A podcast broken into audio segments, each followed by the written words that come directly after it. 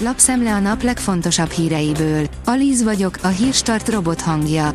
Ma január 19-e, Sára és Márió névnapja van. A G7 teszi fel a kérdést, dőlnek a fegyverszállítási tabuk, de mire megy ezzel Ukrajna? Egymást követik a bejelentések a pénteki csúcs találkozó előtt, de a németek még mindig hezitálnak a tankokkal kapcsolatban. Csodássá festi a tájat az ipoly megduzzadt ártere, írja a 24.hu. Fotókon mutatjuk, hogy az elmúlt napok esőzéseinek következtében milyen nagy mennyiségű víz lepte el a folyó árterét őrhalomnál. Bulgária titokban üzemanyagot és lőszert szállított Ukrajnának a háború első hónapjaiban. Légi úton Lengyelországon keresztül, szárazföldön pedig Románián és Magyarországon keresztül, áll a 444.hu cikkében. Nem sikerült megbuktatni az ellenzéknek a cseh kormányt, írja a növekedés. Nem sikerült megbuktatni a cseh ellenzéknek a Petr Fiala miniszterelnök vezette jobbközép ötpárti koalíciós kormányt. Fegyverkísérleti tereppé vált az ukrán hadszintér, írja a vg.hu. A nato az érdekli, hogy miként tartóztathatnának fel egy esetleges orosz támadást. Moszkvát viszont az foglalkoztatja, hogy helyt tud állni egy általános, nem atomfegyverekkel vívott, kelet-nyugati katonai összecsapásban. Titokban pénzügyi óriásán övi ki magát a TikTok.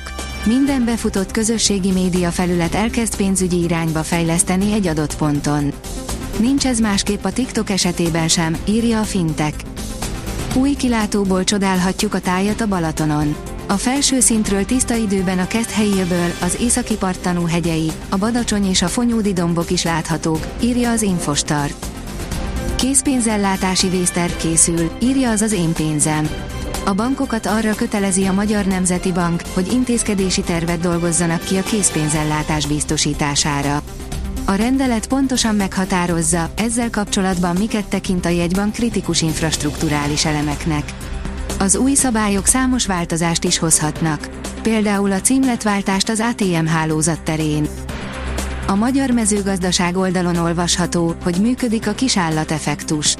A házi állatok segítenek megvédeni az öregedő agyat. A legújabb kutatások azt sugalják, hogy időskorban mindenkinek kellene tartania egy kutyát vagy macskát. Nincs lehetetlen, mobil fizetés térerő és töltés nélkül. Nagy lépést tett a kínai digitális jegybankpénz ahhoz, hogy valóban helyettesíteni tudja a hagyományos pénzt. Megjelent ugyanis a legújabb állami alkalmazás, amely térerő és töltés nélkül is képes véghez vinni a mobil fizetést, áll a napi.hu cikkében. Három hónapra biztosan megmenekült a Dunaferr. A Dunaferr iránt rendkívül aktív érdeklődést mutató Liberty Steel három hónapos feltehetőleg bérgyártásra vonatkozó megbízási szerződést kötött a Dunaújvárosi vasmű felszámolásával megbízott vagyonfelügyelővel tudta meg az iparági hírekre szakosodott Argus Media, írja a portfólió. Nagy zakót kaptunk a svédektől, mégis közelebb vagyunk a negyed döntőhöz, mint a nap előtt, írja az Eurosport. Svédország 37-28-ra győzte le Magyarország válogatottját a kézilabda világbajnokság középdöntő csoportkörének első fordulójában hazai pályán, Göteborgban. A svédek jól használták ki a magyar támadójáték megtorpanásait, a miénk pedig nem tudtak megújulni, amikor az alapjátékok nem működtek. Babos tíme a három év után folytatta győzelmi sorozatát. Kétszeres Australian Open bajnok játékosunk sikerét egy másik magyar teniszező bánta, írja a Magyar Nemzet. Még több napig van esély a hópelyhekre. Csütörtökön jellemzően a Dunántúlon és a magasabban fekvő tájakon várható havazás. Akinek ma nem jut a hóból, a jövő hét elejéig még bízhat a télies fordulatban, írja a kiderül. A Hírstart friss lapszemléjét hallotta.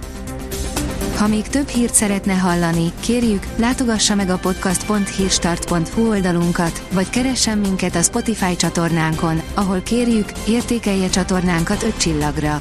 Az elhangzott hírek teljes terjedelemben elérhetőek weboldalunkon is. Köszönjük, hogy minket hallgatott!